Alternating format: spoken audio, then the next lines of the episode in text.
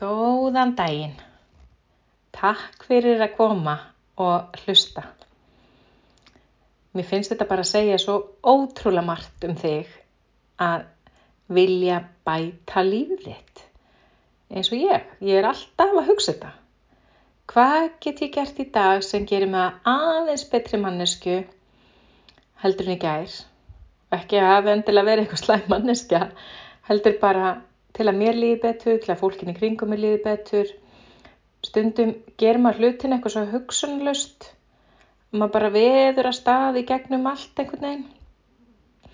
Og ég er partur af ansi mörgu, svona, ég hef tekið þátt í ansi mörgum svona, um, hvað ég segja, svona um, vinnustofum og hlusta á fyrirlestra og, og bæði hjá alls konar svona live coachum og markþjálfum og, og hvað sem það nú allt heitir.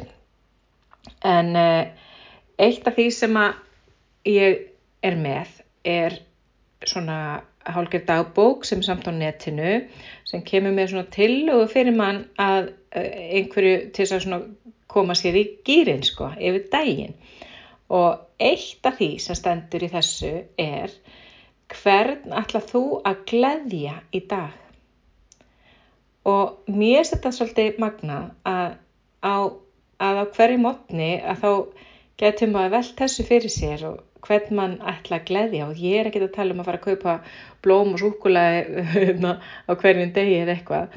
En bara ringja óvænt símtal eða hjálpa einhverjum yfir götu eða hjálpa einhverjum að setja í pókan í búðinni eða, eða Eh, bjóða einhverjum í kaffi eða bara þetta getur verið svo ótrúlega margt en bara þetta að hugsa þetta hva, hvern ætla þú að gleyðja í dag finnst mér eitthvað svo fallet mér finnst alltaf betra að gefa sjálfri heldur en að fá gafir að þykja þannig að það gleður mér meira að gefa heldur en að þykja þannig að er, þetta er svona vinn-vinn eiginlega sko.